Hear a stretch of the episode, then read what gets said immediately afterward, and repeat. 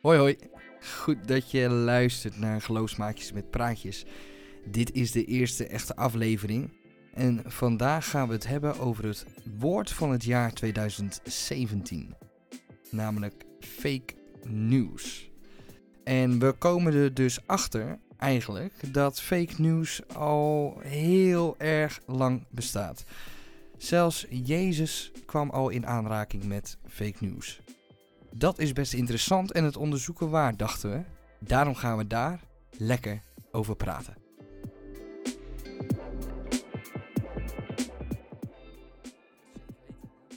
Ja. Lekker man. Ja, hoe was je week? Ja, goed. Ja? Lekker druk. Dat wel. Werk. Dingen die eh, allemaal nog gedaan moesten worden. Ik had wel een week vrij. Dus ik moest, eh, moest wel een beetje wat, eh, ik moest nog wat dingen in de gaten houden voor mijn werk. Maar voor de rest, eh, ja, prima. Lekker. eh, van de week nog eh, iemand langs, langs geweest voor ehm, Barbecue. even wat te eten. Ja, barbecue'tje. Klopt inderdaad. Lekker. Kan ook in de winter, hè? Geen enkel gewoon in de probleem. winter. Lekker winter No problem. No problems. Lekker man. Hey, ehm, ja, met mij gaat het ook goed. Leuk dat je het vraagt. Eh, druk bezig geweest. Eh, studie, leren. Ja, maar dat heb jij niet nodig. Dat kan je gewoon lekker zelf zeggen allemaal. Ja, dat is waar. nou ja. Nee, het ging eh, allemaal wel eh, goed. Einde van het jaar, hè. Dus vooral met deze nieuwe maatregelen allemaal wel een beetje apart. Ja, Dus, maar goed, we gaan er het mooie ervan maken. Wij gooien vanavond als afsluiting van het jaar een lekker stukje vlees op de barbecue. Dus volgens mij is dat zeker weten. mooi einde, kan ik niet wensen. Lekker een mooi nachos, begin. nachos is erbij. Heerlijk. Zo, oh, dat heeft hij allemaal weer geregeld. Lekker man. Hey. Ehm, ja, eigenlijk de eerste episode voor het einde van het jaar, soort van. Ehm, we hadden even zitten denken van joh, wat is nou, wat is nou een thema wat veel gespeeld heeft de laatste tijd? En toen dachten we van ja, ehm, de term fake news. En vooral als je dan kijkt naar Amerika de laatste vier jaren eh, met, eh, met eh, Trump, onze oude reus daar. Ja. Ehm, maar ook in Nederland. En, en nu Ja. merk je dat natuurlijk ook van de berichtgeving over corona en zo. Dat fake news, ja, dat is toch wel... En niemand lijkt het te weten. Maar toch zijn er mensen die het weten. Ja. Ehm, maar dat komt dan niet echt boven water of zo. Of dat wordt op een andere manier ehm, geïnformeerd. En toen zat ik te denken, fake news. komt dat ook voor in de Bijbel? Ik denk niet dat het voorkomt in de Bijbel. Ik denk alleen wel dat wij... ehm, e- e- heel simpel. Ik denk... ehm, ik bedoel, wij hadden het met elkaar ook al over. Ja. Is, wat is de definitie van fake news? Is dat is enerzijds kun je zeggen... dat zijn dingen die totaal onwa- onwaarheden ehm, eh, zijn. Maar aan de andere kant is het heel vaak zijn het dingen die volledig uit zijn verband worden gerukt. En die zaken volledig zonder context, zonder enige informatie eromheen, eigenlijk in de lucht worden geslingerd op een medium zoals Facebook of Mhm. Twitter. Eh, wat is het tegenwoordig, 90 karakters of zo? Wat, is het? wat kan je erop kwijt? Ik weet niet. Ja, in ieder geval weinig. 100. Ja. Eh, en waarschijnlijk als je dat al maakt, dan, dan haken mensen al af, want dan is het te lang bericht. Dus dat werkt dit soort. Dit werkt dat wel in de hand. Want dan krijg je dus een heel beperkt onderdeel van misschien een gedeelte wat, waar zeker waarheid in zit. Mhm, mhm. Maar je krijgt daardoor, omdat het uit zijn verband wordt gerukt, kan je het eigenlijk naar je hand zetten zoals jij wil. Ja. Ehm, en dat is best wel problematisch. En daarom als je het uit gaat zoeken, dan hoor je heel vaak van ja, maar er zit wel een kern van waarheid in. Ja, dat klopt. Want het is ook niet volledig een onwaarheid. Mhm. Maar ik had ooit eens een keer, ik heb trouwens ergens eens een keer gelezen, is als je een halve waarheid met een, eh, de hele waarheid gaat proberen te vermengen, dan wordt het uiteindelijk, is het alsnog niet waar. En dat is een beetje het probleem met rondom fake news natuurlijk ook. En daar heb je natuurlijk talloze voorbeelden van. Mhm. Dus ik denk dat het wel belangrijk is om dat zo te omschrijven. Is dat helaas werkt informatie zo. Ja. Is dat je als je dat niet in zijn juiste verband presenteert. Mhm. Ja, dan kan je het naar je hand zetten. Dan kan je het alles laten zeggen wat je zelf wil. Ja, ja, ja. Klo- Klopt het ook dat er eh, bij jou eh, in de buurt eh, sinds kort een 5G-mast staat of niet? Want je ziet er wat anders uit. Ik heb, mijn, eh ik heb mijn thuis gelaten. ik heb hem niet in de fik gestoken. Nee. nee, dat is gekheid. Nee, nee, ik, eh, nee, dat hebben ze zeker niet. Maar dat is, dit is wel zo'n voorbeeld, ja. Ja. Zeker het afgelopen jaar. Ehm, programma's zoals Lubach en zo, die hebben dat natuurlijk wat eh, een beetje kunnen uitlichten. Er is een documentaire op Netflix over ehm, de social dilemma Ja. en dergelijke. Allemaal Ja, zaken die rondom dit onderwerp. En de grap is, als je dat bekijkt, heeft het allemaal ergens een grondslag in waarheid. Hè, zo van, oké, eh, onderzoek, eh, er komen masten aan en er komen snelheden. et cetera. Alleen daaromheen worden allerlei zaken omheen verzonnen. Ja. Ja, en dan wordt het een onwaarheid. Want dan Ja. klopt er helemaal niks meer van. Nee, nee, nee, nee. Nee, en dat is best wel problematisch. Ehm, en kijk, en dan gaat het nog om, dan gaat het nog, wat dat betreft, om redelijke ehm, bijzaken, zeg maar, wa- wat we in de media zien. Maar stel je voor dat het nou echt iets betreft van, van je identiteit, of eh, wat, wat echt ehm, existentieel is, dus wat echt alles raakt van je bestaan. Ehm, net zoals geloof hoe ga je daar dan mee om? Want ik merk dan zelf ook dat, dat er zijn zoveel kerken. Weet je, Ehm, er is zo'n grote verscheidenheid aan, aan waarheid tussen aanhalingstekens, om het zo maar te zeggen. Ehm, dat het af en toe lastig is van ja, wat is, wat is dan waar? Ja, En, en je vertrouwt met name op mensen die de Bijbel kennen, ja, hè, om de waarheid te vertellen. En dan, eh, kijk, ik, ik persoonlijk kijk dan af en toe een keer een debat, weet je wel. Nou, Ja. jij ook. ja. Eh, en dan kom je in aanraking met andere visies. Eh, maar heel veel mensen die, die hebben daar ook gewoon helemaal geen tijd voor of geen zin in. Ehm, en die vertrouwen gewoon op degene die de dingen zegt. eh, dat het waar is. ja. Ehm, en ik vind dat af en toe best wel lastig. Dat ik gewoon, hoe zeggen ze dat? Door de bomen zie je het bos niet meer. Ja, Nee. wat, wat, wat is nou waar? Want ja, iedereen eh, zegt dit. En, en er zit natuurlijk ook een heel groot gedeelte persoonlijke eh, visie bij of gevoel, denk ik.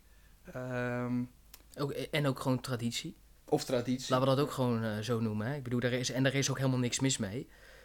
Ehm, en ik weet, kijk, je geeft zelf deze dingen aan. En zeker als het gaat over geloof. Ja, dan komen we eigenlijk terug bij een, een bron. En een bron die voor ons, ik denk als christen zijn, de allerbelangrijkste bron Mm, is. mm. Dus niet de enige bron. We, hebben ook een hoop informatie uit de geschiedenis. We hebben traditie. We hebben gebruiken, noem het maar op. Hè. Die zijn zeker niet onbelangrijk. Alleen als we het hebben over, dan komen we, terug, komen we toch terug bij de Bijbel. Ja. En weet je, het punt is, en ik zat er laatst, ehm zat ik daar iets over te lezen. Weet je wat de valkuil is voor ons? We wijken, een klein beetje af van het onderwerp misschien, maar weet je, de valkuil is voor, voor mij en voor jou, voor iedereen, is dat wij vaak proberen achterhalen, wat is de juiste interpretatie wat er staat. Mhm. Maar het punt is, dat zie je wel aan de denominaties. Er zijn zoveel verschillende takken van sport. En het is ook te, het is fout, denk ik, om te zeggen: oh, dat is allemaal onzin, want er is maar eentje en dat is de correcte. Dus het is niet zozeer, het belangrijkste onderdeel is niet zozeer om ehm, de juiste manier van interpretatie achter te komen, Mm. maar om erachter te komen op hoe je dat op een goede manier kan doen. En dan kom je eigenlijk weer terug bij die contextvraag. Want veel van de problemen waar we denk ik ook zelf tegenaan lopen in ons eigen leven, want we hebben het nu over denominaties, nou daar ga ik me verder niet aan branden, maar als we het hebben over gewoon best gesprekken onder christenen onderling, dan kan best wel heel wat een meningsverschil zijn van best wel basale onderdelen. En vaak begint dat, hoe makkelijk het ook klinkt, met context. En context is wel degelijk objectief. Dat is niet iets wat afhankelijk is van de, degene die het leest. Nee, want Mm. je, dat, wordt, dat stuk wat we lezen, het gedeelte wat je gebruikt misschien om een punt te maken, dat ging vooraf aan een stuk tekst. Ja. En dat, dat, Daar komt da- iets na. daar komt iets na. En als het goed is, als je die, die drie dingen, hè, dus hetgeen wat je zegt, de voor en de na, bij elkaar voegt, Ja. en je krijgt een beter terrein, dan denk ik dat je ook een beter beeld krijgt van wat staat, wat, wat wordt hier nou eigenlijk mee bedoeld. Ja, precies. En dat is, dat is soms makkelijker gezegd dan gedaan. Ja, nou dat lijkt me vrij. eh, eh, dat is best wel een intensieve zoektocht, lijkt mij. Ehm, wat me als voorbeeld eigenlijk te binnen schiet, ehm, is dat verhaal dat, eh, dat, dat Jezus in de woestijn loopt. Ehm, en dan op een gegeven moment komt de Satan, die komt naar hem toe. Eh, dan is Jezus eh, al geruime tijd zonder, zonder eh, eten en drinken. En ehm, op een gegeven moment komt de Satan en die komt dan als het ware een soort van, van ja, als Jezus op, zijn zwakste moment is, komt hij hem ehm, verleiden met allemaal mooie beloftes. En ehm, wat zo opvallend is, is dat hij komt met een aantal citaten, hè, met, met een paar beloftes of zo, maar die lijken wel gewoon uit de Bijbel zelf te komen. En daar reageert Jezus dan ook op, van ja, dat klopt, dat staat er, maar dat is niet wat het betekent. Dus eigenlijk bizar dat er toen al een soort van fake news was. Of in Ja. elk geval iets uit context werd gehaald. ehm, om, terwijl dat het op zich zelf zeg maar helemaal niet gelogen is of zo. Nee, maar, zeker niet. maar dat het helemaal niet betrekking heeft op ehm, hoe dat Jezus de schrift interpreteert. Of in elk geval, nou ja, interpreteert hoe, hoe dat die schrift is ontstaan. Nou ja, en wat het doel is. Daar komt het wel op neer, ja. Want dat voorbeeld wat je opnoemt, eh, volgens mij is dat in Lucas.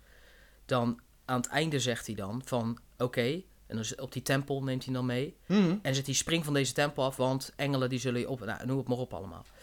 En Jezus refereert dan terug naar, volgens mij is dat Deuteronomium, waarin hij zegt, ehm, beproef de Heer je God niet.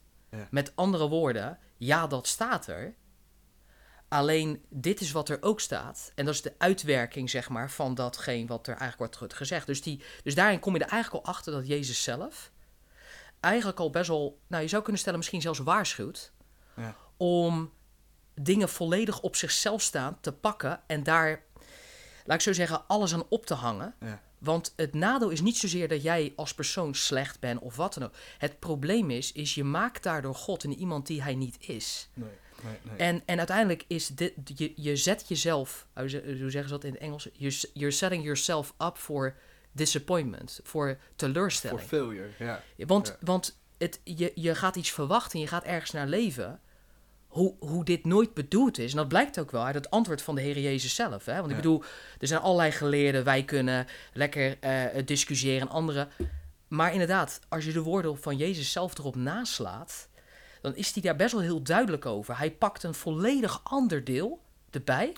Ja. om eigenlijk te onderbouwen waarom dit niet de juiste manier is Nee, om nee. een stuk tekst wat er wel staat te interpreteren. Dus ik kom eigenlijk terug waar we net over hadden. Is, het gaat niet zozeer om de juiste, van dit is de enige manier. Maar het gaat om, je moet het op een goede manier doen. Is wat, wat wordt hier nou eigenlijk mee gezegd? Ja, ja, ja, ja. ja, dat is wel interessant. Ook wel eh, dat, dat Jezus eigenlijk al ehm, daarin aanspoort om, om ook een, een beetje kritisch te zijn of zo. Of, of met voorbehoud te luisteren. Ehm, en dat soort gelijk eigenlijk weer voor een actie. Want we, eh, misschien eh, kennen meerdere mensen dat stukje wel van de Bereeën.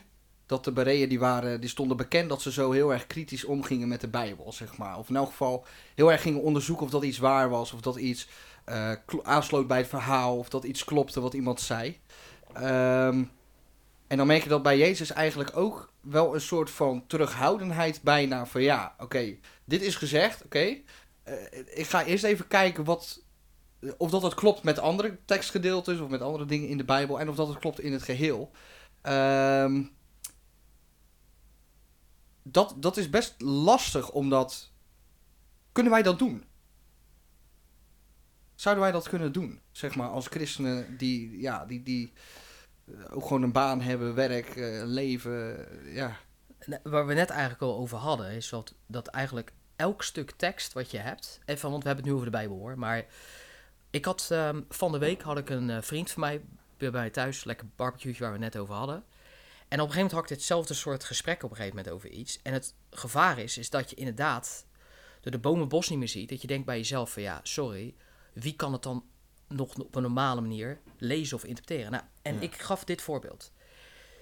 Kijk, je kan dit inderdaad helemaal uitzoeken. Er zijn mensen die helemaal naar grondtalen gaan, et cetera. Dat hoeft allemaal niet. Daar mag je op vertrouwen dat daar een hele hoop tijd in is eh, besteed. Omdat natuurlijk kan je elke keer een stap verder gaan. Je kan met encyclopedieën werken. Je kan met, eh, met bijbelwoordenboeken werken. Je kan allerlei dingen doen. Maar het belangrijkste is, is om dingen, nou hoe simpel het ook is, in zijn context te lezen. En het voorbeeld dat ik had, ik had een boek Hmm. liggen. Gewoon een boek wat ik aan het lezen was. En ik zei tegen die eh, kerel die bij mij was, ik sloeg het boek dus open op een random, gewoon op een plaats. Ja. En daar stond dus, ik weet niet meer wat er stond, maar er stond gewoon een tekst. Ja. En ik pak die tekst, pak ik daaruit. En het is dus een, een zin die volledig, ik weet niet eens in welk hoofdstuk het staat. Nee. Dus ik zeg tegen die kerel, zeg ik van lees jij op deze manier dit boek? Zou je dat accepteren als ik op deze manier jou iets probeer uit te leggen of wat dan ook? Zijn Ja. antwoord was, nee, tuurlijk niet. nee. Ik zei, waarom niet? Hij zei, ja, omdat het onderdeel van het boek is. Nou, en dat is nou precies het verhaal Ja. met de Bijbel. Maar dat, dat kan je ook op jezelf trekken natuurlijk. Ik bedoel, stel je voor dat jij een verhaal schrijft ehm, voor een ander. Of een WhatsApp-bericht. Of een WhatsApp bericht, dat iemand daar natuurlijk vier regels uitpakt. En van Ja, ja, zie je. juist. eh, ja, je Ik, bent- ik, weet niet of jij mensen kent die zo WhatsAppen. Dit is echt, hè. Ik heb, eh, mensen die, ik heb genoeg mensen die zo WhatsAppen. Die in plaats van één bericht, dan is het één bericht, nog een bericht, nog een bericht, nog een bericht. Dan zijn er totaal, heb je een, heb je selectie van acht verschillende losse berichten. Ja. En die moet je bij elkaar voegen om een verhaal van te maken. Ja. Maar dat is wel een goeie, want dan zou je ook kunnen stellen, als je daar één of twee van die berichten uitpakt, kan je iemand alles laten zeggen. Ja. En die kan je dan voorwoorden. Kan je zeggen, ja, dit heeft deze persoon gezegd. En daar is niks aan gelogen, want die persoon heeft dat gezegd. Ja. Ja. Alleen wel in een bepaald verband. Ja. Klopt, ja. En dat is wel een hele belangrijke, want we doen dit. De grap is, we doen context, doen we heel de dag door. Als je een boek leest, als je een gesprek hebt met iemand, als je een herinnering ophaalt bij iemand, dat doe je als het goed is. Of als je baas iets tegen je zegt, je leerkracht, een vriend van je. Dat gebeurt in context. Ja. Je kent de persoon, iemand heeft iets gezegd ervoor en daarna en volgens kun je dat plaatsen. Ja, tof. Nee, dat is wel. eh, dat is wel goed om naar te kijken, inderdaad. Ehm, want als je het op jezelf betrekt, merk ik altijd. Als ik, als ik dingen op mezelf betrek, dan ga ik er wat, wat serieuzer mee om. Ja, Ja, want je neemt jezelf natuurlijk wat. wat ja, hoe zeg ik? Niet al te serieus natuurlijk. Maar je gaat wel wat zorgvuldiger met jezelf om over, het, eh, over het algemeen. En vooral datgene wat je leert. ja, Ehm, maar als we nou even een paar voorbeelden pakken uit de Bijbel. Want de Bijbel die bestaat natuurlijk uit, uit meerdere boeken. Ehm, je hebt bijvoorbeeld spreuken, je hebt psalmen, je hebt brieven. Ehm, hoe, hoe zou je dat nou kunnen vergelijken met elkaar? Wat zijn nou eigenlijk de grootste verschillen, ja. globaal? Nee, dat is, ehm, ik denk voor, voor jouzelf van, ehm, even om je vraag naar jou toe, hè. Als jij, laat ik zo zeggen, als jij een psalm leest, lees jij dat op dezelfde, en bedoel ik natuurlijk niet dat je natuurlijk lees je dat, maar lees jij een psalm Mhm. op dezelfde manier als dat jij bijvoorbeeld, ehm, eh, eh, nou, we hebben nu net kerst gehad, het geboorteverhaal van Heer Jezus leest. Ja. Ik ben benieuwd, hoe, hoe, hoe maak jij dat onderscheid? Ja, ja. ik, ik, lees dat, eh, ik lees dat wel iets anders, moet ik zeggen. Want ik zie het geboorteverhaal van Jezus is, is echt geschiedenis puur zang. Oké, Zeg ja. maar. Dus dat is echt eh, van ja, dat, dat, dat, dat is een scenario of dat is een, eh, een situatie die zich heeft afgespeeld. En nou, een voorbeeld te pakken van, van psalmen bijvoorbeeld, dan merk je heel erg dat David, of ja, David vanuit hele David. David, ja. Ja. David Hasselhoff. dat, dat David uit, uit hele ehm, persoonlijke ervaringen, als het ware, een verhaal opschrijft. Zeg maar. En dat is best wel eh, eh, subjectief, Ja. zeg maar. Want, want als hij spreekt van ja, ik word achterna gezeten, ehm, ja, ik niet. Nee, En andere mensen ook niet, zeg maar, eh, in mijn omgeving. Dus ehm, daaraan kan je niet relateren. Maar je weet wel dat hij dat zo ervaart ja. zeg maar. En als ik dan kijk naar de geboorte van Jezus, hè, Ja. of het evangelie op zichzelf breed, Ja, dan, eh, dan is dat niet per se subjectief. Dat is waarneming, dat is, dat is, dat is wat mensen gezegd hebben, dat is geschiedenis, dat Ja. is ehm, het tot stand komen van een verhaal aan zich, ja. zeg maar. Ehm, en dat onderscheid zie ik dan heel erg, maar net zoals Spreuken bijvoorbeeld, ja, ik vind Spreuken vind ik een fantastisch boek. ja. Maar ehm, daar zit wat dat betreft zit daar ook niet echt een verhaal in. Hele kleine stukjes zijn dat. Er zit dan een, een wijsheid in, waar ik heel erg van kan genieten. Maar als je, nou laat zeggen, een hele pagina leest, dan heb je al een heel breed scala aan onderwerpen. Ja. Eh, misschien al zeven dingen, weet je wel, over, eh, nou ja, over woede, over wijsheid, over, over werken, eh, over liefde, ehm, teleurstelling. Nou, allemaal onderwerpen die voorbij komen. Ja, En als je het evangelie bekijkt, komen ook heel veel onder, afzonderlijke onderwerpen aan bod natuurlijk. Maar het staat wel onder één paraplu. ja, En vooral als je kijkt naar het geboorteverhaal van Jezus, dan gaat het over het geboorteverhaal van Jezus. En daar worden gewoon een aantal hoofdstukken aan gewijd, precies. zeg maar. En dat verschil zie ik dan wel een beetje.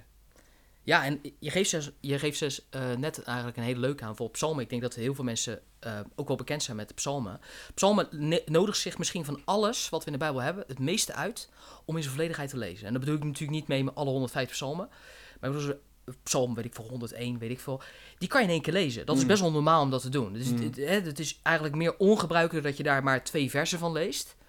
Ja. Dan dat je die heel Want dan psalm snap, dan je het al helemaal niet meer. Nee, maar, dat is, maar dit is al een perfect voorbeeld. En zelfs onderling de psalmen kun je dit argument al voeren.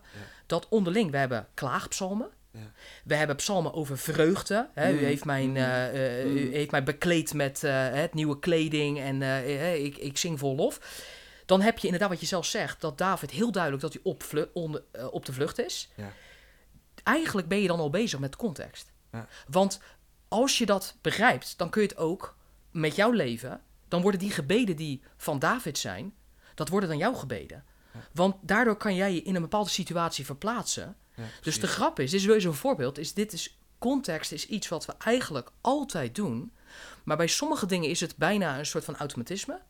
Hmm. Omdat het dan in een categorie valt als poëzie of een beetje symbolisch. Zoals eh, Psalm heeft heel vaak over eh, eh, God met rook uit zijn neus. En, en allemaal beeldspraak over dieren uit de, het water. En nou goed, allemaal verschillende. Wat zeg je? Krokodillen. krokodillen en weet ik veel. Ja. Er worden verschillende symbolieken worden gebruikt. En als we dan met een verhaal bezig zijn, ja, dan wordt dat allemaal wat lastiger. Ja. Alleen in principe is het niet anders dan dat je inderdaad moet herkennen dat. Ehm, en ik doe, dat doen we eigenlijk, dat doen we ook elke dag. Ik bedoel, als ik een WhatsApp bericht krijg, dan ga ik met een WhatsApp bericht ga ik anders om dan dat ik een, nou, een officiële mail krijg van mijn werkgever. Het is allebei tekst en toch Ja. ga ik anders om met de tekst. Hè? Ja. Sommige mensen zeggen informeel en formeel, oké. Ja. Maar het is ook nog eens, de inhoud is anders. En, maar dat is eigenlijk wel, weer, dat is wel weer grappig. Want, ehm, eh, want ik weet niet, ik, ja, ik heb echt soms lappen tekst op WhatsApp. Ik word ook een beetje moe van WhatsApp, moet ik zeggen. Want het doet niet echt recht aan, aan een echte normale communicatie. Maar ik ook. ehm, Voor degenen die luisteren en ik reageer niet, dan heeft niks te maken dat ik het niet leuk vind. Maar het is gewoon te veel, sorry. dan word je niet in dank afgenomen. Nee, maar zeg maar, het hangt er ook van af, dus hoe belangrijk dat je het vindt. Ja, Want daar hangt dus blijkbaar wat van af. Ja, van een WhatsApp-bericht, ja, er is nog nooit volgens mij een, eh, een, een relatie gebroken omdat iemand niet binnen 24 minuten reageert, of weet ik wat. Maar met, met een werkgever is dat natuurlijk wel anders. Hè? Want daar, daar ben je ook, dat, dat is een wederzijdse afhankelijkheid. En dan ben je ook afhankelijk, fijn om, afhankelijk van om gewoon te kunnen bestaan. Eh, dus je neemt die berichtgeving neem je eigenlijk veel serieuzer. ja. Ehm, de grap is, als ik dat dan ook op mezelf betrek, is, doe ik dat dan ook met het woord van God? Neem ik dat dan ook eh, serieuzer dan een normaal bericht? Want als dat zo zou zijn, eh, als ik dat serieuzer zou nemen, dan, ehm, nou, dat, bijvoorbeeld wat je zei, dan ga ik bijvoorbeeld iets in zijn totaliteit lezen, een hoofdstuk bijvoorbeeld, en niet, en niet een, een, een klein Ja. stukje, zodat ook de context ehm, de context in zijn geheel zichtbaar wordt, zeg maar. Ehm, en ik denk dat dat misschien wel een paar dingen zijn om met fake news om te gaan. Is dat je, eh, je moet het ook wel willen, ja. zeg maar. Ja, je, je- moet het wel serieus willen ook. Wil je het, wil je het Ja, kunnen begrijpen. Daar zit ook gewoon een motivatie achter. ja. Ehm, dat is hetzelfde als met mijn studie, met jouw studie, Ja, weet je. ja, Ja, daar ga je niet aan beginnen zonder motivatie. Ehm, maar dat is denk ik ook wel een beetje voorbehoud ja. is dat wat, wat beschouw jij als autoriteit? Nou, dat is ook weer zo'n mooi woord natuurlijk, maar Ja. wat, bes- wat, wat beschouw jij als hetgene wat echt de waarheid vertelt? En ehm, als dat de, de Bijbel is voor jou, ehm, nou ja, voor mezelf in elk geval, dan, dan, dan eh, niet dat ik andere mensen niet vertrouw met wat ze zeggen, zeker niet. Ehm, maar ik ben altijd wel wat voorbehoudend. Misschien een beetje vergelijkbaar als de Bereeën, die dan toch wel, eh, en dat doe ik ook niet altijd hoor, maar, maar dan toch wel sommige dingen dat ik denk van nou, dat vind ik interessant, ik wil dat even uitzoeken. Hoe zit dat nou? Hoe zit dat echt? Want heel vaak in een preek bijvoorbeeld, Ja. Ehm, ja, dan- worden er een paar eh, principes uitgelegd, bijvoorbeeld, of een paar one-liners. En die kunnen heel opbouwend zijn. ja. Ehm, maar hoe ga je dat daadwerkelijk toepassen? En dat Ja. is bijvoorbeeld mijn ding. ja. Is van ja, Ja. Hoe, ga, hoe ga je dat dan, ehm, hoe krijgt dat dan vorm? Want dan preken is natuurlijk niet genoeg om een heel onderwerp eh, uit te diepen en om daar Nee. concreet mee aan de slag te gaan. Dus ik denk dat dat inderdaad ook wel belangrijk is om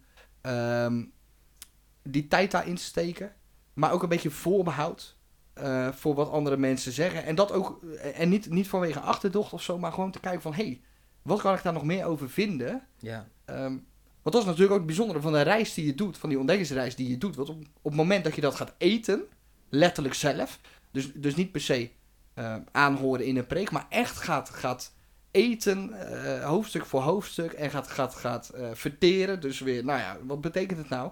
Dan pas maak je, je het je echt eigen, zeg maar. Dan Ja. merk je dat het ook echt pas voedzaam wordt, ja. of zo. Nee, en dat is het ook, hè. Want het is niet... Ik, vorige keer had er volgens mij eens een keertje over, is dat... Kijk, de Bijbel is niet een boek met recepten. ehm, eh, van recept nummer 300. Eh, ga goed met een ander om en dan eh, komt alles je tegemoet. Er staan dingen op die erop lijken. Mhm. Zoek eerst het koninkrijk van God en dan zal de rest. Ja, maar dat heeft, het gaat om een bepaald principe. Wat, wat zegt Jezus daar? Nou, dit is dus al zo'n voorbeeld. Is van zo'n one-liner waar je het over hebt, wat 100% waar is. Mhm. En prachtig dat je in je stille tijd erover na kan denken. Je denkt bij jezelf, hoe fantastisch is het dat God überhaupt betrokken is bij jouw leven. Maar, zeg ik erbij, is het wel belangrijk om ook even stil te zijn. Maar oké, in welke context staat deze tekst? Dit is dus Ja. echt een voorbeeld. Ja, En een van de dingen die mij heel erg helpt, en ik hoop ook voor, voor, voor mensen ook die luisteren. En ik, ik, het grappige is als ik een boek lees, om ehm, de, te vermijden dat ik niet denk van oké, wat heb ik net gelezen, probeer ik mezelf constant de vraag te stellen, waar draait het hier nou eigenlijk om? Met wat ik Mm. nu lees. En dit doen we bij bijna alles. Maar omdat ehm, de Bijbel leent zich, vanwege de versindeling en de Mhm. hoofdstukindeling, leent zich om als een vers te pakken. En dat kan soms heel opbouwend zijn, hè, laat ik dat vooropstellen. Maar het gevaar is wel, is dat je dan een stuk tekst hebt. Soms zegt het je wat, maar heel vaak ook niet. Nee. En dan is het wel de, belangrijk om de vraag voor jezelf te stellen van oké, waar draait het hier om? Dus als er bijvoorbeeld staat, doe alles zonder morren en zonder meningsverschil, bijvoorbeeld in Filippenzen, om een voorbeeld te geven, Ja. eh, of, of Korinthebrief volgens mij staat het er, Ehm, dan is het misschien handig om te kijken, wat staat hier in plaats van, als iemand eh, iets doet wat, hij, wat ik eigenlijk wil dat hij gaat doen, dan ga ik hem deze tekst sturen. Want dit gebeurt hè, in de praktijk. En, want dan krijg je dus dat je denkt van ja, maar ho, wacht even. Is dat wel, is het bedoeld om het als een recept mee te geven? En hier, hier alsjeblieft, ik heb zo'n barbecueboek, heb ik thuis. Nou, dus zo, en dan kan je een lekker stuk entrecote maken. Ja, maar dat is niet de intentie van zo'n los stukje tekst. Het valt in een groot verband. En als ik dit voorbeeld denk ik uitleg, dan denk ik dat iedereen, ik hoop in ieder geval, de meeste mensen het op dat vlak wel eens zijn. Mhm. En daar hoef je dus geen geleerde voor te zijn of heel moeilijk. Maar stel je gewoon dezelfde vraag. Als je zoiets leest, Ja. waar draait het nu eigenlijk om? Wat draait het om? Waar, Ja. waar, waar draait, waarom wordt dit gezegd? En tegen wie wordt dit gezegd? En op het moment dat je daarachter gaat komen, dan ga je bij jezelf hé, hey, wacht even. Ik heb dit altijd op die en die manier gezien. Maar volgens mij draait... Nou, en dan kan je dan... En dat is wel belangrijk dat je ook met anderen in gesprek erover gaat. Ja. Dat je echt geloofsmaakjes hebt. Juist, kijk, de cirkel is weer rond. Nee, maar nee, inderdaad. Maar dat je ook niet in je Ja. eentje, want dat is het gevaar. Dat Ja, je in je. Ik bedoel, christen zijn is nou eenmaal een, hoe zeg je dat, een teamgebaseerde oefening. Ja. en, en niet iets om in je eentje te doen. Teamsport, ja. Het is een teamsport. Het, Zeker. het oprecht. Want anders kan je ook in een eigen bubbel terechtkomen. Ja. En dan kan je hele akelige dingen kan, kunnen daaruit voorkomen. Eh, dan kan je allemaal zaken dat God allemaal dingen van je vraagt, terwijl dat misschien helemaal niet het geval is. Ja. Ehm, maar dit is misschien een eerste stap om te zetten. Om zeg maar de fake news of de contextloze begrippen te filteren. En betekenis te laten krijgen voor jouw leven. En dan Ja. wordt het Gods woord en God die tot jou spreekt. Precies. En Ja. ja, dat is denk ik iets fantastisch. Mooi man. Ja. Ik vind, dat, eh, ik vind dat eigenlijk wel een heel bruikbaar advies, moet ik zeggen. Ehm, en ik denk dat dat ook gewoon, ja, hoe zeg je dat, een goede approach is. Ehm, je hoeft ook niet alles te begrijpen, alles Nee. te snappen.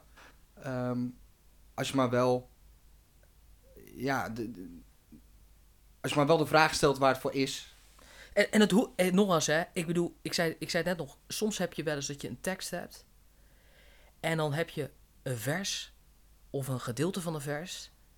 En dat je bij jezelf denkt, wauw, weet je wel, hoe mooi is dit? Eh, kortste tekst in de Bijbel, Jezus helde. Bij de dood van Lazarus, hè, dat staat hij daar.